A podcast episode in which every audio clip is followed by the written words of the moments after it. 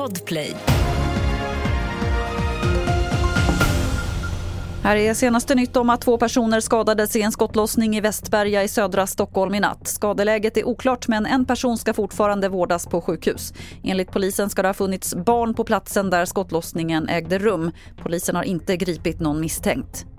Kriget mellan Israel och Hamas är inne på sin sjätte dag och allt mer tyder på att Israel förbereder någon form av markoffensiv i Gaza. En svår operation som skulle innebära stort lidande för de drygt två miljoner civila inne i Gaza. Det säger Anders Ekholm som är överstelöjtnant och Israelexpert på Försvarshögskolan.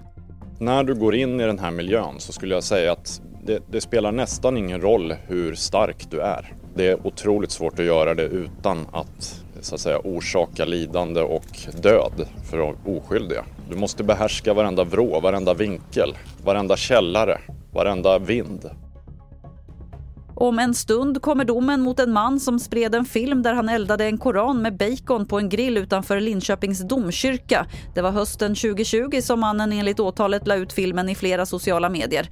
Det är första gången som svensk domstol prövar om koranbränning kan vara hets mot folkgrupp. Fler nyheter finns på tv4.se. Jag heter Lotta Wall.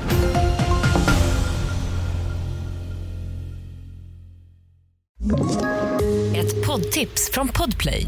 I fallen jag aldrig glömmer djupdyker Hasse Aro i arbetet bakom några av Sveriges mest uppseendeväckande brottsutredningar. Går vi in med hemlig telefonavlyssning och, och då upplever vi att vi får en total förändring av hans beteende. Vad är det som händer nu? Vem är det som läcker? Och så säger han att jag är kriminell, jag har varit kriminell i hela mitt liv men att mörda ett barn, där går min gräns. Nya säsongen av Fallen jag aldrig glömmer på Podplay.